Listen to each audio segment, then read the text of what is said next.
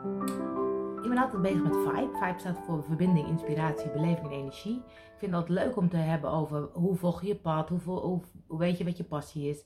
En ik merkte nu, ik heb al veel interviews gedaan hierover, maar nu is crisistijd. En hoe doe je dat nou in crisistijd? Want het is zo simpel als het allemaal lekker loopt om uh, na te denken over wat wil ik, wat klopt bij mij, wat zijn mijn mogelijkheden. Maar nu zie ik heel veel mensen in de actie schieten, andere mensen juist in de rust schieten. Uh, en hoe ga je dan toch je eigen pad volgen?